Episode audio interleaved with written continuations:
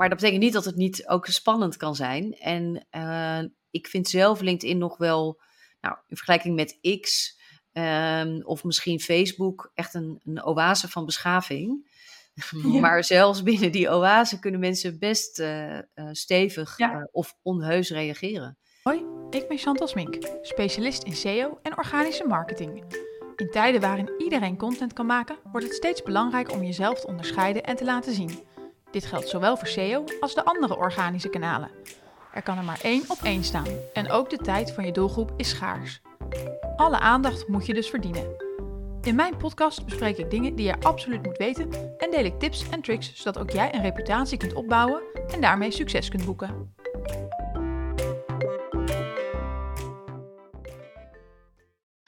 Hey, hallo en wat leuk dat je weer luistert of kijkt naar een nieuwe podcast. En vandaag weer een speciale. Ik heb natuurlijk al vaker gasten in mijn podcast. Maar deze vond ik echt ontzettend leuk. Al vanaf het moment dat ik dacht, ik ga haar uitnodigen.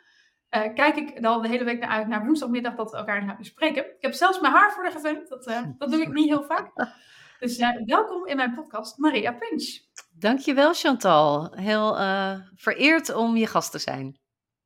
Nou, ik vind het een eer dat je mijn gast wilt zijn. Wij kennen elkaar denk ik van ongeveer een jaar geleden denk ik dat ik me bij jou meldde.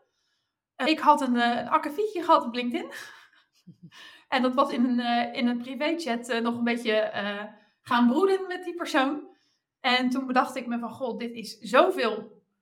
Uh, het heeft me zoveel energie gekost, ik moet hier wat mee. Mm -hmm. En toen werd ik door iemand aan jou gekoppeld van, goh, je moet Maria Puntjes hebben, die kan jou je waarschijnlijk wel mee helpen. Dus ik ben heel benieuwd, kun jij vertellen, um, ja, waar, waar komt al jouw kennis vandaan? Wie ben jij, wat doe je? Um, en waarom kon jij mij toen helpen? Ja, uh, dat was een heel leuk uh, telefoontje. En uh, ik kijk ook echt terug op een uh, hele toffe samenwerking. Maar daar misschien straks daar wat meer over. Ik heb een achtergrond in de radiojournalistiek. En mijn vak is het coachen van sprekers. mensen die voor hun vak moeten praten. Ehm, ik heb een eigen bedrijf, dus ik ben nu ruim tien jaar ondernemer. Um, en ik werk ook nog voor BNR Nieuwsradio twee dagen in de week als trainer. Daar leid ik mensen op.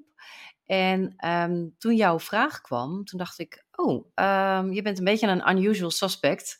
Uh, ik heb niet meteen een kant-en-klaar pakket uh, voor je, maar wat interessant, ik herkende ook een aantal dingen van zelf. Uh, je uitspreken, bijvoorbeeld op LinkedIn, een, een pittige post schrijven en daar dan nou, backlash op krijgen. En, en wat doe je daar dan mee? Um, dus ik, ik moest eerst even puzzelen van, ben ik degene die jou kan helpen en hoe dan? En uh, toen kwam ik eigenlijk op een soort tailor-made pakket van een combinatie van uh, ja, moderation, maar ook uh, argumentatie, taal en toon, um, de technieken uit de mediatraining die ik ook wel geef, technieken uit, zelfs uit de leer van de debatteren, de klassieke retorica aan toe. nou, en daar een soort van vrolijke mix van. En zo zijn wij aan het werk gegaan. Ja, ja. maar jij doet dus heel veel meer. Want je zegt, ik uh, train sprekers. Hè, dan heb je het volgens mij zo over de sprekers op een podium als een podcasttraining. Zag ik ook op jouw website dat je dat ja. ook uh, doet. Ja, klopt. Um, waarom is het belangrijk? Waarom zijn de sprekerstrainingen nodig? ja, omdat uh, vaak wordt gedacht van spreken dat dat iets is, zeker als we onze carrière al op de rit hebben en uh, we zitten in een volwassen leeftijd, dat we dat maar gewoon kunnen. Maar ja. uh, goed spreken, en dat verschilt natuurlijk per context, dus uh, boeiend, engaging spreken voor een publiek, maar ook een verhaal structureren, dat is eigenlijk best wel lastig. Ja. De meeste mensen worden niet geboren en kunnen dat meteen. Um, nee. En je verhaal en je, je performance kan daar dus heel erg van opknappen als je daar een keer een expert voor inhuurt. Ja, ja, ja. Nou, dat vind ik ook wel leuk voor misschien de luisteraar die nu deze podcast luisteren en denk van, goh, ik zou dit ook willen, maar hè, ik ben bang voor de reacties of ik ben bang dat ik het niet kan. Ja. Of ik heb het één keer gedaan en ik vond mijn eigen stem verschrikkelijk. Uh, want dat heb ik ook gehad. Het is dus te trainen. Er zijn heel veel dingen die je kunt leren in dit, uh, op dit vlak. Ja, zeker. Nou ja, vaak zeggen mensen inderdaad van, oh, weet je wel, de eerste keer dat ik iets terugluisterde of een, een voice note, uh, dat je echt denkt, oh, klink ik zo? Um, ja. En je hoort je stem uh, anders dan dat je je stem in je hoofd hoort als je praat. Dus het heeft vaak in het begin echt een soort vervreemdend effect. Ehm, maar daar kun je wel uh, zeg maar overheen komen. door gewoon echt wat meer als een soort regisseur naar jezelf te luisteren. En te denken van, oh, wacht even, ik ga een uh, podcastserie opnemen. En ik wil dat de tone of voice van die serie uh, heel enthousiast wordt. Vervolgens ga je naar jezelf luisteren en denk je, nou, het lijkt wel alsof ik de files aan het voorlezen ben. Um, Oké, dus dan heeft mijn presentatie in die podcast iets anders nodig dan ik eigenlijk van nature misschien comfortabel vind. Ja. Uh, want ja, zo'n podcast is wel een performance. Wij maken nu ook iets voor een publiek. Hè, als ja. wij nu onderuitgezakt een beetje gapend uh, met elkaar zitten te praten, dan vliegt alle energie eruit. Ja, nee, dat ja. dan wil niemand luisteren inderdaad. Ja, dus, um, dus het loont de moeite om echt na te denken over... Uh, A, wil ik inderdaad naar voren treden? Op welk podium, of dat nou LinkedIn is of een fysiek podium? Wil ik praten over mijn vak of over mijn missie? Uh, en uh, durf ik dat aan en hoe ga ik, hoe ga ik dat aanpakken? Welke vorm past het beste bij mij als spreker en bij het verhaal wat ik wil uitdragen? Ja, ja, ja, dat is het zeker. Uh, goed om daarover na te denken. En ook wat je inderdaad zegt, hè, die eerste vraag, um, durf ik dat? Ik denk dat dat is wat heel veel mensen tegenhoudt om dit te doen. Hè? Dat, het is natuurlijk ook wel een ding van, misschien zijn sommige mensen geen goede schrijver, of zeggen ze van ja, het kost me allemaal veel tijd. Maar er zijn ook veel mensen die denk ik wel willen, maar die toch uh, eng vinden om hun kop boven het maaiveld uit te steken. Ja. Merk je dat, dat dat toch wel veel, ehm, veel oproept als je dat toch wel veel mensen zeggen, ja, maar ik doe dit, dus ik hoor, moet dan ook maar accepteren dat negatieve reacties erbij horen. Ja, nou ja, dat was een van de redenen natuurlijk waarom jij ook uh, bij mij kwam. Dat je zei van, ja, het kost me ontzettend veel energie. Hè. Ik merk echt dat het een soort energielek is. Uh, en ook van, wat is nou een goede manier om dat te managen? En ja. um, ik denk dat voor ons als ondernemers het best normaal is om naar voren te treden. Uh, omdat bijvoorbeeld LinkedIn ook een soort etalage is voor je werk. Maar het is ook een plek waar je inspiratie kan ophalen. Waar je discussie kan aangaan. Waar je uh, ja, like-minded people kan, uh, kan vinden. Maar dat betekent niet dat het niet ook spannend kan zijn. En ik vind zelf LinkedIn nog wel, nou, in vergelijking met X um, of misschien Facebook, echt een, een oase van beschaving. Ja. Maar zelfs binnen die oase kunnen mensen best uh, uh, stevig ja. uh, of onheus reageren. Um, ja. En dus het is ook wel ja, goed om te kijken van wat levert het mij op? Hè? Waarom um, steek ik wel mijn hoofd boven het maaiveld uit? Wat, wat win ik er vooral ook mee? Ja. Ja, ja, dat is inderdaad een hele goede vraag die je jezelf eerst moet stellen. Voor mij was het natuurlijk, ik heb een ander verhaal dat ik wil vertellen. Ik heb een ander geluid.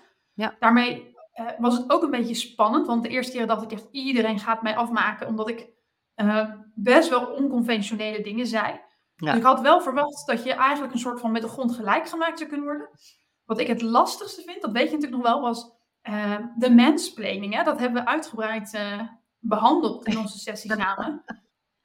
Want, weet je, dat... Um, um, dat en, ja, misschien dat heel veel mensen het weer anders noemen. Ik vond het soms dat uh, uh, mensen, op, zeker op LinkedIn, wat je hebt gezegd, het is een oase van rust vergeleken met uh, X, mm-hmm. waar ik nog wel eens doorheen scroll en echt denk dat het een soort van ja.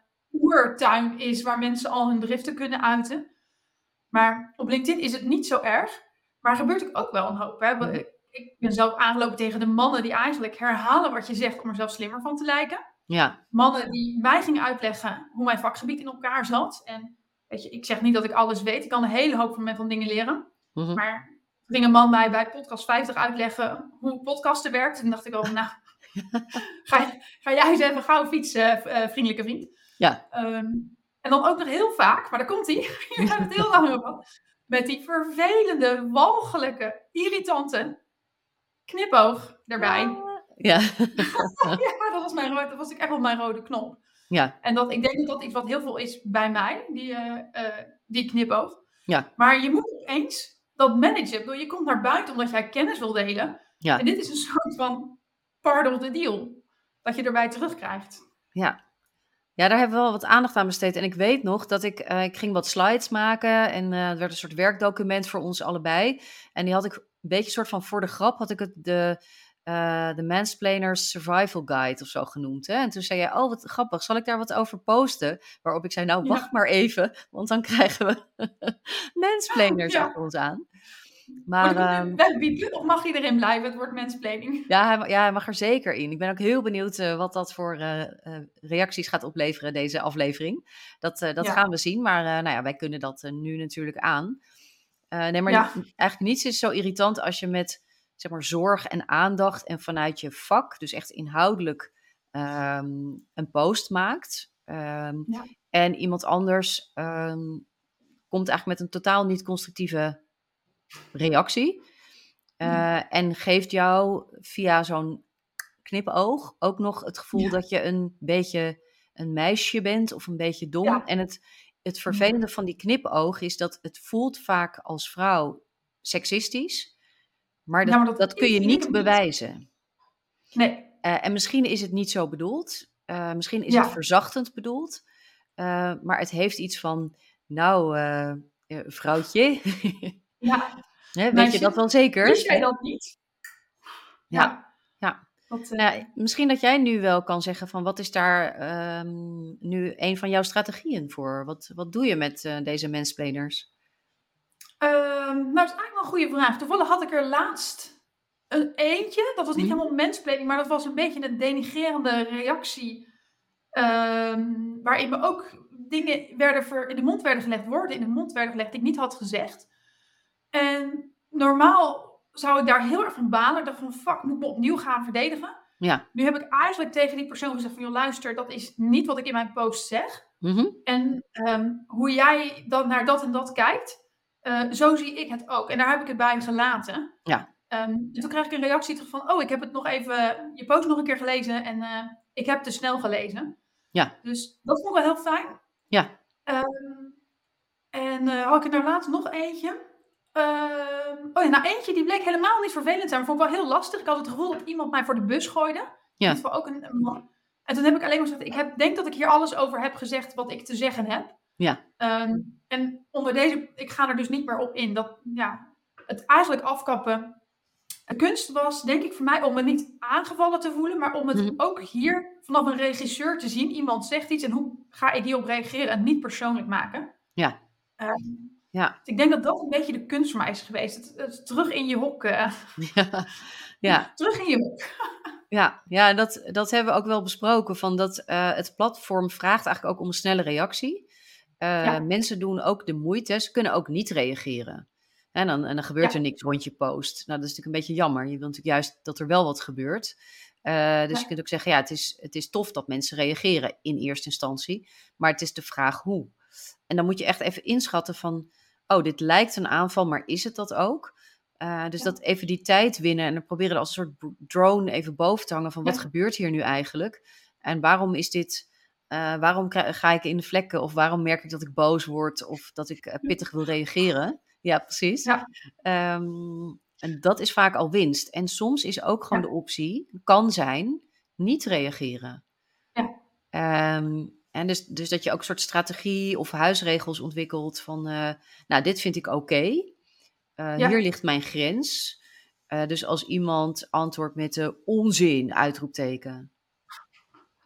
Ja. Ja, daar kan je niks mee. Daar kan je helemaal niks mee. Um, nee. Dus dat, ja, dat, dat, kan je dan gewoon ook gewoon laten voor wat het is. En denken, nou ja, ja. weet je, uh, succes ermee. Um, ja. En uh, wat volgens mij wel, bij jou ook wel meespeelt, is dat als mensen echt, um, nou ja, zeg maar feitelijke onzin verkopen, dat jij denkt, ja. ja, maar dat kan ik gewoon qua beroepseer, kan ik dat gewoon niet weersproken ja. laten. Dat, daar moet ik wel op reageren. Ja, ja dat, dat is het ook. Hè? Dat, uh, zeker met die man die wat, uh, toen wat claimde over podcasten. Dat ik echt dacht van, ja, maar ik zie dat heel anders. Maar dan moet ik jou nu hier een, een gastcollege podcaster geven. Terwijl je mij net één had gegeven onder mijn eigen post. Ja. Um, en dat vond ik, vond ik inderdaad heel lastig. Van, goh, weet je, hoe moet ik hier nou in? En het probleem is ook nog eens, iedereen kijkt mee ja. op LinkedIn. Hè? Want, ja. En dat vond ik het hele lastige. Dus je, je, normaal zou je het misschien laten gaan. denk je van, joh, wat een idioot dat dit een privéberichtje is. Ja. Maar doordat het op een soort van marktplein gebeurt, uh, krijgt ook iedereen die comment te zien. Dus dat schept ook een soort van verplichtingsgevoel. Van ja. ik moet hier op antwoorden, maar ik moet ook iets normaals antwoorden, want iedereen kijkt mee. Dus ik kan niet zeggen, joh, achterlijke piep, weet je, ja. zout een eind op, want weet je, dat, dat, dat doe je niet. Nee. Maar waar in de in dat verhaal van ik moet reageren, iedereen kijkt mee. Ik wil niet het lieve kleine meisje zijn, maar ook niet de K nou. Mhm, Dat vond ik heel, heel erg lastig om die balans daartussen te zoeken. Ja. Nou, wat ik jou vaak zie doen, en dat deed je volgens mij al, is dat je eigenlijk altijd eh, probeert eh, zelf zeg maar, de vriendelijke, eh, constructieve toon te, te pakken. Door, dus er altijd zeggen van, hey, dank, dankjewel dat je reageert, of dank voor je reactie. Zo van, je neemt in ieder geval de moeite. En dat Ja. je dan ehm, gewoon probeert zeg maar, op de inhoud te koersen. Eh, En daar hebben we het ook wel over gehad. Hè, van, eh, op het moment dat, dat iemand echt eh, nou, poep praat, zoals jij dat dan wel eens tegen mij zei. Eh, en je gaat de poep herhalen. Ja. Zeg van, hè, jij zegt nu dit en jij zegt dat. En soms sproeien mensen gewoon met poep. Dus dan komen er wel vijf onwaarheden dat je bijna niet weet waar je moet beginnen. Ja. En als je dus dan gewoon zegt, oké, de, de feiten als eerste. Hè, dus feitelijk weten we dat eh, Google zo werkt. Eh, Ja. Mijn visie daarbij is dit. Dat, dat heb ik onderzocht. Ehm, dus eh, hè, jouw argument gaat hier niet op. Ja. Dat je heel erg, zeg maar, stick to the facts. Ja, ja, ik denk dat dat sowieso altijd slim is, hè? stick to the facts. Ehm, en ook, ook durf te staan voor waar je voor staat. Dat vond ik soms ook nog wel lastig. Van, wel, echt een soort van onzekerheid van, hoe zou, zou ik het wel goed zien? Mis ik hier niet iets? Dan ga je aan jezelf twijfelen. Mhm. Dus ehm, dat, dat vond ik natuurlijk ook, ehm, vond ik een lastige struggle. Ja, Ehm, en, maar ik moet wel zeggen dat het heeft het voor mij allemaal wel een stuk makkelijker gemaakt. Dus vandaar dat ik eigenlijk ook dit graag wilde delen met, met mijn. Ja. Want er is wel degelijk ja, een, een, een soort van hoop, een methode om, eh, om hier wat van te leren. Want dat, eh, soms, soms weet je ook gewoon niet wat je niet weet. nee, En als het fijn als iemand zegt, hé, hey, daar, daar kun je wat mee. ja, dat kun je ook zo aanpakken. Ja, Ja, dat, eh, dat klopt. Ehm, ja, wat ik, hè, je zou van wat je eigenlijk niet moet doen is herhalen. Mhm. Van wat iemand zegt, jij zegt dit, jij zegt dat, jij zegt dat. Zie jij nog meer klassieke fouten waarvan eh, op dit soort dingen met social media beheer of comment, eh, comment management? Eh, ja, nou je kan natuurlijk ook wel echt kijken van eh, als je het gevoel hebt dat iemand eh, je in een soort van fuik trekt, hè, want dat is het soms. Dus je kan denken, hé, hey, daar, gaat, daar gaat iets inhoudelijk zo scheef, hey, dat wil ik echt wel rechtzetten of ik wil echt nog even duidelijk maken waar ik sta. En dat doe je, Ja. ehm, eh, dat zei je eigenlijk heel terecht, hè, dat doe je niet alleen voor jezelf, maar doe je ook voor je, voor je followers. En voor de Ja. mensen die graag op jouw content afkomen. En die misschien niet een, zeg maar, een hele vervuilde timeline daaronder eh, daar niet op zitten te wachten. Ja. Ehm, dus, dus dat is sowieso ook een, een argument hè, om dan soms wel te reageren. Maar het kan ook zijn dat je in een soort fuik wordt getrokken. En als je dan inhoudelijk reageert, is dat steeds weer een soort van beetje zuurstof voor die ander. Om te zeggen, ja, maar Ja. dit en jij Ja. zegt nu dat. En dan moet je zeggen, nee, dat zei ik niet. Ik zei namelijk dit. En voor je het weet ben je zeg maar acht messages verder. Ja. Ehm, en er zijn nou eenmaal mensen die, ja, die houden gewoon van een veenbrandje stichten. Eh, en de vraag is, wil je dat in je timeline? Ja. En als het antwoord Ja, nee is, dan, post? ja, dan is het echt heel erg oké om daar gewoon te, te moderaten. Ik bedoel, het platform is openbaar, maar jouw post is jouw content. Ja. Dus die dat- reacties eromheen, dat is, het is je voortuin, het is je achtertuin of je kantoortuin, I don't care. Ehm, Ja. Dus het is volstrekt logisch om daar gewoon ook proactief eh, een positie in te nemen. Ja, ja, en dat weet ik nog heel goed dat jij tegen mij zei: dit is jouw content. Jij bent hier eigenaar van, van deze post. Dus jij mag ook regels stellen. Wat Ja. je laat gebeuren. Want ik weet nog wel, hè, de, het akkefietje van waar ik bij jou kwam. Toen had ik ook de comments verwijderd. Hè, want ik vond het echt vervelend. Vond, dus ik heb gewoon alles weggehaald. Ja. Ehm, en die persoon laten weten van, joh, ik heb de comments verwijderd. Toen heb ik meteen beticht censuur. En jij wilt geen tegenspraak. Ehm, en dat ik ook wel lastig. Oh, mag ik dan niks verwijderen? Maar ja, jij hebt mij wel echt van, het is jouw post. Ja. En daar mag je, je grenzen stellen. Ja, en dat het dus best wel goed is om bij jezelf eh, misschien al na te gaan van, eh, ja, waar ligt die grens? Hè, dus wanneer Ja. vind ik het nog oké, wanneer laat ik het staan? Eh, ik heb zelf op een gegeven moment een keer bij een post, dat is maar één keer voorgekomen, heb ik de reacties uitgezet. Ja. Ehm, En dat voelde voor mij toch nog, nog steeds wel een beetje als een soort van zwaktebod.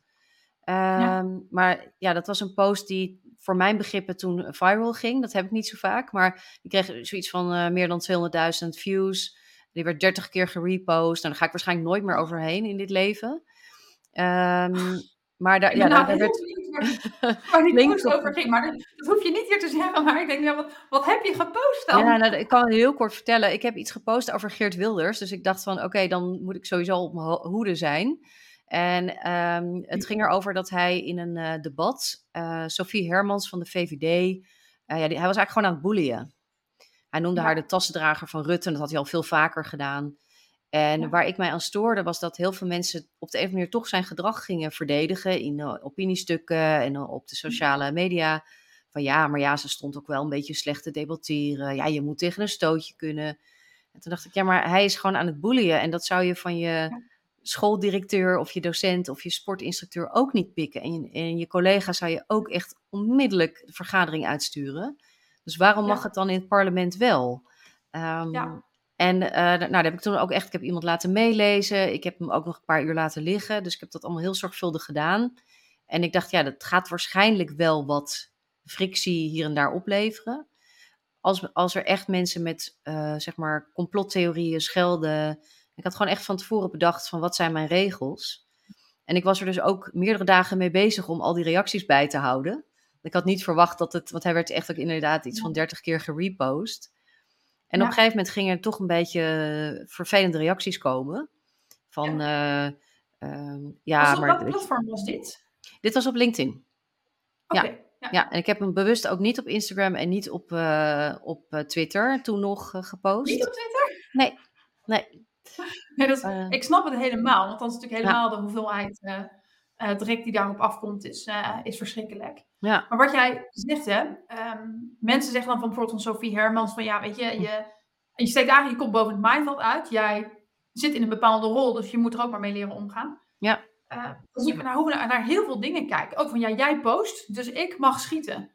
nee, ja. Ehm, ja nee dat, dus. eh, nee, nee, eigenlijk niet. En dan denk ik ook van. eh, ehm, soms snap ik ook niet waarom het zo zuur moet. Naar aanleiding van de aankondiging met dit gesprek kwam er ook een vriendinnetje en die zei: Oh, ik heb ook iemand die is altijd zo zuur, zo zuur op elke reactie van iemand, op, op, eh, in dit geval in, in een bepaalde groep. Dus altijd diezelfde vrouw en die staat altijd te zeuren en, te, en zuur te zijn. Ja. En toen dacht ik ook van ja, dat, misschien zegt het ook gewoon heel veel over de mens. Als je op elke post heel zuur reageert. Ja. Ehm, je bent als poster geneigd om je dat zelf aan te trekken. Maar heel vaak ligt het natuurlijk ook gewoon echt wel bij die ander. Ja. Hoe die naar de wereld kijkt. Ja, en het staat die ander natuurlijk ook vrij om die zure tone of voice eh, ja, ten volle uit te leven in zijn Ja. of haar timeline. Ja. Maar Ja. niet per se in de jouwe. Nee. Nee, dat ben ik met je eens hoor. Dan denk ik ook van als je het zelf, eh, als je zelf dit te zeggen hebt of wat er anders vindt, schrijf zelf een post. Weet je, schrijf zelf een blog. Ja. En, eh, en, en spuil je eigen mening ook de wereld in. De platformen bestaan ervoor. Dus eh Ja. wat, Ja. wat houd je tegen? Ja, dat ben ik Ja. met je eens. Ehm, wat ik me ook eh, eh, afvroeg, hè, want jij geeft uh, podcasttrainingen. Dat vind ik ontzettend interessant met, met stemgebruik en zo. Ja. Kijk, daar hebben we het natuurlijk nog nooit eerder over gehad samen. Ehm, maar wat, ehm, ehm, nou, kun je daar iets over vertellen? Wat voor gesprekken heb je daar met, met cursisten? Wat voor technieken? Ik ben ontzettend benieuwd, want hè, ik heb natuurlijk al 80 podcasts. Uh, dit is nummer 82. Eigenlijk wow. volgeluld met maar gewoon praten. Ja. Um, dan, toen ik het las, dacht ik ook van, oh, misschien valt er aan mijn podcast en stemgebruik ook heel veel te verbeteren. Dus ik was ontzettend benieuwd. Wat, als je een paar tips zou hebben voor mensen ja. over podcasten, wat, wat zou je kunnen vertellen? Ja, leuke, leuke vraag. En gefeliciteerd met 82 afleveringen. Dat is echt. Uh, ja, ik weet uit eigen ervaring hoeveel werk het is. En dat het dan vaak ook nog iets is wat je erbij doet. Het is niet eens je core ja. business. Um, nee. Nou, je kan eigenlijk zeggen, podcast is een performance. Dus je maakt iets voor publiek. Dat, ja, he, dat weet je ook wel. Um, maar uh, als je op een podium gaat staan, dan ga je ook een presentatie, ga je iets voorbereiden. Uh, je gaat het misschien wel hardop oefenen. Je gaat nadenken over je kleding. Uh, er is een soundcheck. dus je gaat met aandacht en met zorg ga je zo'n presentatie in. En met die aanpak zou je ook naar een, een podcast, zou je ook een podcast in kunnen stappen. En um, het is ook goed om iets te weten over je publiek. Want wij hebben deze podcast nu ook met beeld. Dus ik weet niet wat de ratio is tussen dat mensen kijken en dat mensen luisteren. Uh, maar als je even uitgaat van dat mensen eh, luisteren. Ehm, en ze vaak daar ook nog iets anders bij doen. Dus uh, misschien hardlopen of een wasje vouwen. Um, dan betekent het dat, ja, dat jouw verhaal en dat jouw, um, of de interactie die je met een gast hebt, dat het toch redelijk makkelijk bij mensen het oor in moet glijden. Ja. Dus dan kun je ook nadenken over het, het doseren van de informatie die je bijvoorbeeld deelt. Of je kunt natuurlijk sowieso, dat is dan meer format en niet stem, maar de lengte van, ja. uh, van, je, van je aflevering. Uh, maar ook weer, ja, ik noem die tone of voice, die kwam al een keer eerder voorbij. In, in schrijven heb je tone of voice, maar die heb je bij spreken ook. Um, ja. Dus als ik een podcast maak over uh, rouwverwerking, zal die een andere tone of voice hebben dan dat ja. jij zegt: hey, ik heb een nieuwe aanpak in uh, contentstrategie. En ik ben daar zelf super enthousiast over en ik ga daar met vakgenoten over praten. En we wisselen best practices uit. En dan ja. heeft dat een andere energie. Um, en je stem is daar gewoon een, een hele dankbare uh, tool voor eigenlijk. Ja. ja. Waarvan we misschien eigenlijk niet eens leren hoe we hem kunnen gebruiken. Want kijk, ik praat ook maar instinctief. -hmm. En ik volg bijvoorbeeld Celine Charlotte op, uh, op Insta al, al jaren. Ik weet dat zij ook altijd zegt van ik heb een stemtraining gedaan. -hmm. En al haar podcasts zijn bijna van die zwoele boeken waarin ja. ze echt iets wil vertellen. Ja. Um, maar ja, mijn podcast gaat natuurlijk die kant op. Ja. Dus ja, blijkbaar kunnen we toch meer met die stem dan we, dan we ja, weten. Ja. Ja, want veel mensen denken van, nou ja, ik praat nou eenmaal zo. Of ik kom nou eenmaal uit een familie van snelle praters en we praten allemaal snel. En uh, ja, dat is nou eenmaal zo. Uh, terwijl je ja. soms met een kleine aanpassing um, je, je stem ook effectiever kan maken. Dus um, zonder dat je je eigenheid verliest. Want als jij zegt, ja, ik uh, ga er gewoon lekker enthousiast in. Nou, ja, ga dan vooral niet, um, weet ik veel, vier versnellingen langzamer nee. praten. Want dan, dat is helemaal, dus A, niet nodig, is niet functioneel. Uh, maar nee. dan verlies je ook iets van je eigen energie. Maar als jij weet ja. dat je bijvoorbeeld een onwijs snelle prater bent. En dat mensen het soms gewoon lastig vinden om je bij te houden dan kan je wel denken, oké, okay, hey, die microfoon is aan, ik heb, uh, ik heb mijn gast of ik heb mijn, uh, mijn teksten voorbereid en ik ga een halve versnelling terug. Omdat ik gewoon weet ja. dat mijn podcast dan net wat aangenamer wegluistert, dat de informatie wat makkelijker beklijft. Dus het gaat dus niet om uh, zeg maar goed of fout of mooi of lelijk, maar meer over wat is functioneel. Ja, en daar hoort dan ook het terugluisteren van je eigen podcast bij. Ja, dat kan heel leerzaam zijn. Ja. En dan hoor je ook de dingen die goed gaan. Hè? Het is niet alleen van, oh, is dit mijn stem? Maar ook, je kunt als het goed is, op een gegeven moment ook als zo'n regisseur, dus steeds wat, wat objectiever, ook weer een beetje als een soort van drone boven die opname hangen. En denk ja. oh, maar het klinkt inderdaad enthousiast. Of, uh, ja. nou, wat heb ik toch een leuke intro. Nou, die doe ik volgende keer weer. Ja, ja precies. Dat, uh, ik moet ook wel zeggen, ik word er best wel wat mee geconfronteerd met mijn eigen podcast. Ik luister eigenlijk nooit de aflevering van A tot Z. Mm -hmm. Maar ik ben wel altijd fragmenten eraan het uithalen. Dus shorts en snippets, waarbij ik er toch wel een soort van doorheen spring. Ja. Um, en soms haal ik er een snippet uit en denk ik, gods, wat kijk ik serieus? Of wat kijk ik zuur? En uh, het idee wat ik dus voor mezelf heb, is dat ik altijd dus dat uh, achter die pot, achter die microfoon zit. Maar als ik hem terugkijk, valt dat best wel mee. Ja. Um, en denk van, oh, er zijn best wel dingen wat ik, ja, bepaalde woorden, dus het woord eigenlijk, dat, dat slik ik altijd half in. Eigenlijk, eigenlijk denk ik dit. Ah, ja. Maar het valt me ook op dat ik toch wel vaker uh, met rust, dat ik even wegkijk, dat ik over iets nadenk. En opeens, als je ook opneemt, ga je dus je beeldgebruik zien. Ik ben echt een handenprater, ben ik ook achtergekomen. Ja. dat, dat wist ik ook niet van mezelf. Um, maar ik kan wel inmiddels met een soort van compassie naar mijn eigen beeld kijken en denken van, oké, okay, nou die handen die mogen wat meer buiten beeld. Maar met dit en dit gaat het wel goed. Merk jij dat mensen ook zo naar zichzelf kunnen kijken met een beetje compassie? Ja, maar dat, dat vind ik sowieso wel een goede levensles eigenlijk. Dat we met een beetje compassie naar elkaar of naar onszelf en elkaar kijken. Um, ja. Maar uh, nou, zeker als je wil ontwikkelen, als je wil groeien. Ja, ik ben met podcast begonnen, ik heb nu zoveel afleveringen. Um, en dan, dan is het ook uh, mooi om te zeggen: oké, okay, dit, dit wil ik wat versterken, dit wil ik wat naar de achtergrond brengen. Uh, maar doe dat alsjeblieft met compassie en heb niet het idee dat alles in één keer. Weet je wel, elke training die je ook aangaat, dat merk ik zelf ook. Ja.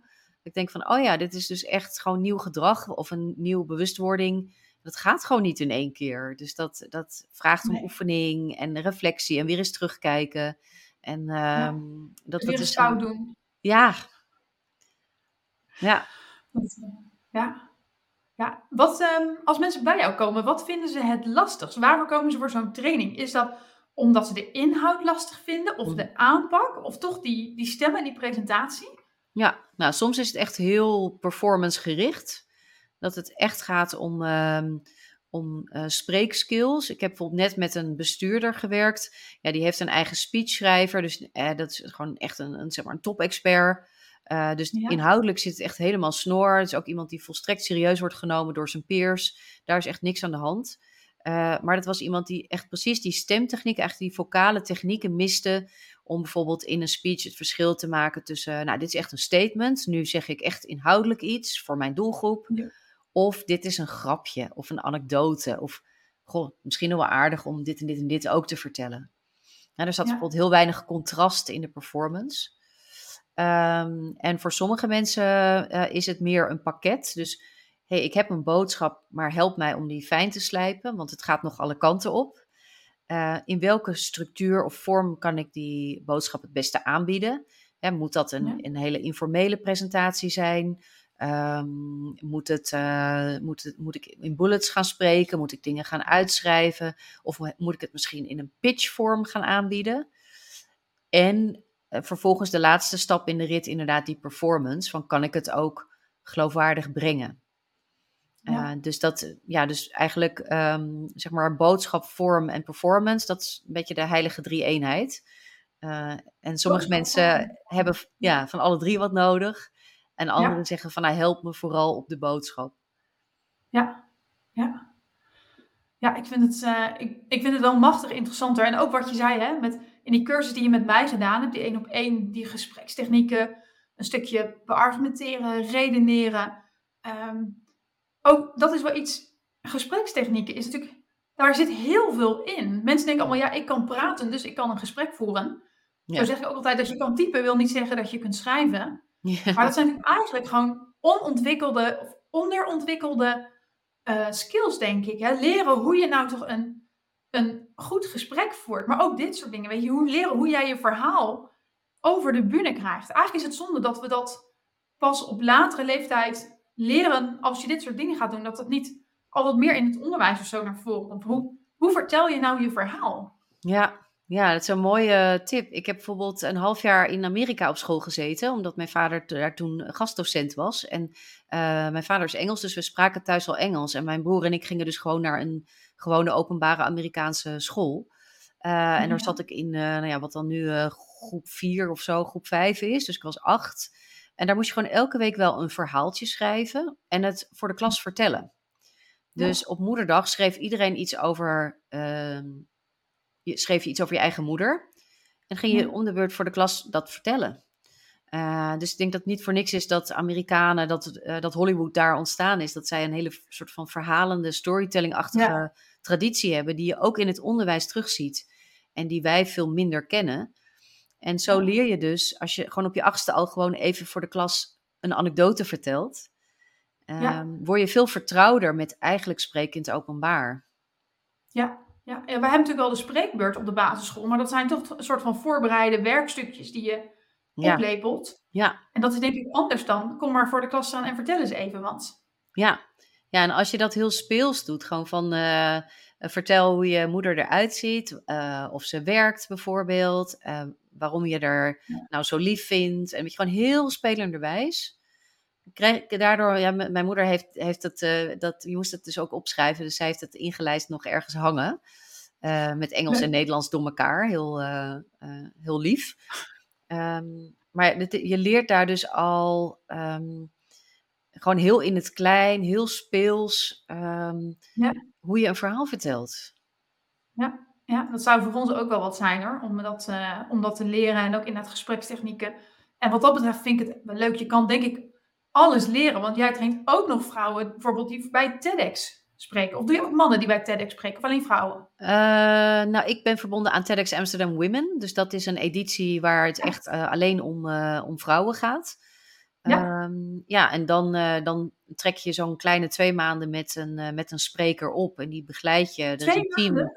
Ja, dat doet ook weer iedereen doet dat trouwens vrijwillig. Eh, dus is dan een, een, eh, een speaker eh, eh, prep team. Eh, Ja. met een, eh, met een eh, speaker hoofd, ehm, die, die ons dan ook weer begeleidt en aanstuurt.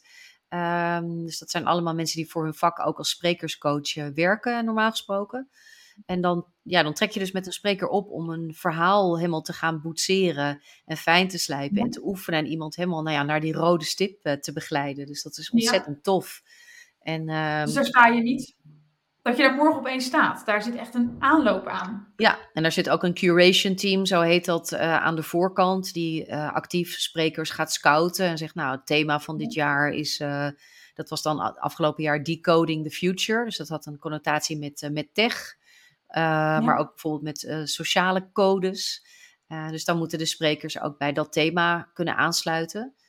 En er wordt ook altijd gekeken naar een, een diverse line-up, dus vrouwen van verschillende achtergronden, van verschillende leeftijden, uit verschillende industrieën. Uh, dus dat is heel tof om te doen. Ja, ja dat kan ik me wel voorstellen hoor. Dat uh, zou mijn droom ook nog ooit zijn, op zo'n TEDx-stip uh, stip te staan. Zou ja. niet weten met welk verhaal, maar ja, ik moet zeggen, ik vind spreken ontzettend leuk. Dus ik kan niet wachten om op zo'n podium te springen en mijn verhaal te doen. Afgelopen ja. jaar op Brighton ges gesproken, in het Engels, wat ik echt wel even andere koek vind dan in het Nederlands. Want ja. dan moet je ook over nadenken wat je op de woorden, hè, welke woorden wil ik gebruiken. Mm -hmm, mm -hmm. Um, maar ja, het is onwijs leuk. Maar ik kan me ook voorstellen, heel veel mensen, um, die zien dat helemaal niet zitten, die vinden het heel eng. Zijn het dingen die, die je gewoon ook kunt, kunt leren? Of zijn er, heb je ook wel eens meegemaakt dat, dat, dat je denkt, nou, dit, stop er maar mee, dit, dit wordt helemaal niks? Of krijg je eigenlijk wel iedereen naar een punt dat het comfortabel kan worden? Um, nou, soms lukt het niet uh, helemaal. En soms blijft Ja. het voor mensen uh, toch heel spannend en hebben ze echt buikpijn. En, en blijft het een soort strijd van: ik wil op dat podium, maar uh, eigenlijk wil ik het niet. en, ja, precies. Kijk, er zijn mensen die moeten gewoon spreken voor een vak. Ja. Um, ja, er zijn Kamerleden die moeten gewoon spreken, uh, maar die zeggen: ja, ik, ben eigenlijk meer een dossiervreter. Hè? Geef me gewoon een stapel dossiers. En dan Oh, kom ik met een, met een heel goed doordacht uh, plan. Maar goed, oké, okay, naar, naar buiten treden hoort er ook bij. Um, dus er is een verschil tussen uh, uh, zenuwen blijven voelen. Dat is natuurlijk ook helemaal niet raar. En Nee. echt, um, nou, zeg maar een beetje half dood gaan op het podium. En over het algemeen is het zo dat als je gewoon echt een, ja, een missie of een drive hebt om daar te staan, dan is die sterker dan misschien de onzekerheid of de, de buikpijn. Ja. Um, Ja. ja, en soms krijg ik mensen niet helemaal naar het niveau waar ik ze zou willen hebben. Uh, en er was laatst een, een, coach die zei dat heel mooi. Dat was iemand van Lead by Presence. Ik, ik, ben even haar naam kwijt, maar die zei: Je kunt iemand alleen ophalen waar die is. Ja. Uh, dus ik kan wel de lat hier leggen, maar Ja. misschien dat is mijn lat. Ja, precies. Ja, dus het, dat is ook voor, ja, voor trainers wel iets om steeds weer in de gaten te houden van oké, okay, waar kom jij vandaan? Uh, Ja. Net als dat je denkt van ja, wat zegt die reactie over iemands persoon, Ja, achtergrond? Ja. En hoe kan ik iemand zo ver mogelijk helpen of bij dat doel brengen? Ja, en ik denk dat heel veel dingen ook een soort van ladder zijn in het leven. Hè? Soms kom je van trapje 1 naar trap, trapje 2 of 3.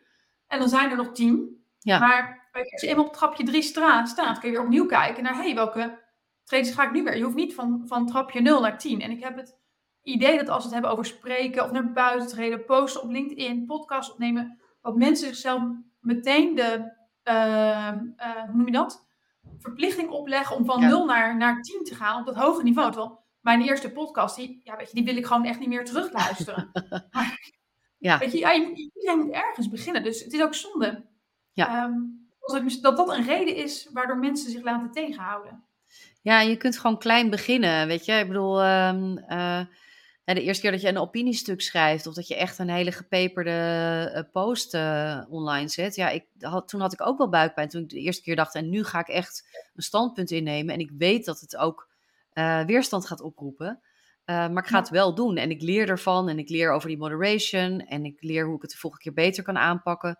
als je graag wil gaan spreken, kun je ook jezelf hier en daar eens op een event, een klein event bijvoorbeeld, de eerste keer gratis aanbieden. En zeggen, hè, mag ik in ruil voor een paar goede foto's uh, van jullie fotograaf, kom ik, uh, nou, kom ik weet ik veel, de, de introductie doen? Of, of nou, dat is een slecht voorbeeld, maar of een pauze act, of nou, weet je wel, zoiets. Uh, en als dat goed gaat, dan vraag je de volgende keer geld en dan kies je een wat groter podium. Ja, precies. Ja, en het is ook, de wereld vergaat ook niet als de eerste keren niet goed genoeg zijn. Hè? Dat, nee. uh, uh, ik weet nog wel dat toen mijn, met mijn allereerste podcast, ik had die microfoon gekocht en ik ging praten. En ik versprak me. ik wist even niet meer wat ik wilde zeggen. Dus nou, dan gaat het uit en dan wordt het natuurlijk hè, grote ellende, rondje lopen, gefrustreerd zijn. en daarna toch weer opnieuw beginnen. En, uh, maar ik had inderdaad voor mezelf het een heel groot ding gemaakt. Want dit moet ja. goed zijn. Maar ja, weet je, die eerste podcast. Ja, weet je, inmiddels is die wel veel beluisterd. Omdat de titel nog steeds aansprekend is. Mm. Maar ik vind het ook niet meer erg als mensen bij, podcast 1 denken... Goh, wat praat ze raar. Want wie daarna naar podcast 82 gaat, ziet dat er een ontwikkeling is geweest. Dus um, ja, maar, maar denk ook niet dat, dat je het in één keer allemaal goed moet doen... en dat de wereld vergaat als het niet niet jouw nieuw, gewenste niveau is. Daar kan je naar, uh, naar komen. Uh, Zeker. Nou, dat is ook mijn reden trouwens waarom ik de eerste podcast laat staan. Zodat mensen ook gewoon kunnen horen wat de ontwikkeling is geweest. Dat ik ook niet begonnen ben zoals ik nu hier ontspannen zit. Maar dat ik ook ergens anders vandaan ja. kwam. En uh, wat dat betreft vergelijken we ons misschien het liefst met mensen die al hier zijn. Hè, dat doe ik ook. Uh, ik vergelijk mezelf ook graag met hele grote influencers die op wereldpodia staan. Maar dat is ook gewoon niet realistisch. Nee. Maar ik ben wel benieuwd als ik jou ook een vraag mag stellen van wat bijvoorbeeld die sprekersklussen, wat die jou gebracht hebben. Want je zegt, ik, kan, ik sta echt te popelen om er weer één te doen. Nou, ik vind het ontzettend leuk om voor een groep met mensen te staan en een verhaal te vertellen. Ja. Um, voor mij is het bijna een spel van kan ik jullie aandacht krijgen? Lukt het me om de zaal stil te krijgen wanneer die stil moet zijn. Maar lukt het me ook. Ik heb op Brighton SEO had ik de zaal gevraagd wie de echte autoriteit was op het gebied van koken. Ja. Moesten ze kiezen tussen mij en Gordon Ramsay. En had ik gezegd, als je denkt dat ik het ben, dan moet je blijven zitten. Als je denkt dat Gordon het is, moet je gaan staan. Want ik had hem ook andersom kunnen zeggen, maar dan blijft iedereen zitten en gebeurt er niets. Ik wilde... Ja. En die hele zaal ging staan. En dan, oh ja, dat vind ik echt fantastisch. Dat, dat, dat je die energie in die zaal krijgt. En natuurlijk heb ik ook een inhoudelijk punt. Dus ik vind het ook leuk dat mensen nou zeggen van... Goh, weet je, je had wel echt een, um, uh, een goed verhaal of een, een ander geluid. Ja. Maar ik denk dat ik dat zo, zo leuk vind. Ja, het liefst zou ik radio-dj worden morgen. Dus ja. open sollicitatie hier. Ja. Genoteerd. Dus ja. ja. Kletsen. Um, Zo'n zo, zo publiek entertainer. Dus wat heeft het me gebracht? Ja, sowieso dat op het moment dat ik eraf kom... dat ik gewoon echt een stuiterbal ben aan energie en adrenaline. Uh, ja. Dat, het, ja, dat het heel veel lol brengt. En het, ook de eerste keer, want op 2016 stond ik ook ooit op Pride. En dat vertel ik nooit aan mensen. Omdat ik dat nog veel erger vond. Weet je, toen zat ik, was ik nog veel meer van, oh Engels, wat ga ik zeggen? En het verhaal. En was, vond ik het nog, uh, uh, vond ik het wel gaaf dat ik het gedaan had. Ja. Maar was ik niet zo'n brok energie als bij die laatste keer. Dus ik sta er eigenlijk niet eens om te verdienen of een klanten binnen te halen. Ik sta er gewoon echt omdat het voor mij een dagje uit is, omdat ik het gewoon heel leuk vind. Ja, nou, dat helpt waarschijnlijk ook enorm in, uh, zeg maar in de ontspanning en in de lol. Maar wat ik ook hoor, ja. is dat je dus heel bewust aan het spelen bent geweest met de vorm. Dus ik, ja, ik heb een inhoudelijk ja. punt en ik ben uitgenodigd vanwege mijn expertise. Um, ja. Maar ik ga ook kijken hoe ik die, um, die talk, hoe ik die engaging kan maken. En letterlijk engaging in de zin dat je je publiek erbij hebt betrokken en dat, ze, uh, dat, dat, dat er meteen lol was. Hè. Je hebt uh, je hebt ze geboeid. Uh, je nam jezelf ja. een klein beetje op de hak. Van, uh, nou, vinden jullie mij of Gordon Ramsay ja, ja, de beste autoriteit? Um, dus dat, ja, dat is dan ook wel weer mooi. Leuk. Oh, ik vind het altijd leuk als het een beetje schuurt. Dus ik zat in een zaal vol met CEO's. Um, eigenlijk een aantal standaard dingen die CEO's doen, was, die wilde ik ter discussie stellen. En dat wil ik dan eigenlijk op een leuke manier doen. Dat mensen wel denken van oh ja, ze heeft wel een punt. Ja. Weet je, dat, dan wordt het ook voor niemand echt heel ongemakkelijk. Dan houdt het het luchtig. Ja. Maar ik vind het altijd heel leuk om ook een beetje dan zo op dat, op dat pijnpuntje te drukken. Ja, en dat mensen dan zelf mogen weten van wat ze daarmee, uh, hoe, hoezeer Ja. ze het zich aantrekken of niet. Ja, ja. Dus eh, ja. Ja, leuke, leuke dingen om te doen. Wat dat betreft, eh, ik ga komend jaar eh, op Immers Retail staan. En ik probeer nog meer, eh, meer plekken te, te versieren om, eh, om te komen. En dan, eh, Nou, voor iedereen die luistert in de business. ik wil op jouw event spreken. Ja, precies. ja, absoluut. Dus, en jij, sta jij zelf nog wel eens ergens eh, op events? Ben jij zelf een, eh, een spreker, een podcaster? Of ben je echt achter de schermen? Goeie vraag. Eh, ik dacht toevallig, misschien moet ik op mijn site ook een, een pagina maken. Huur mij in als spreker. Want Ja. ik kan het wel, maar meestal ben ik natuurlijk achter de schermen andere mensen aan het, aan het helpen. En ik heb Ja. ehm, vorige zomer hadden we een heel mooi event van Vaker in de Media, opgericht door Janneke van Heugden.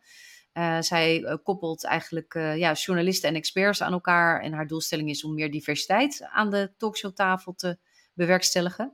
Ehm, en ik heb daar toen een verhaal gehouden. En toen dacht ik, god, wat is het eigenlijk tof ook om inderdaad ehm, Ja. voor een groep te staan. En, echt, en, en ook te proberen zo'n engaging verhaal te maken.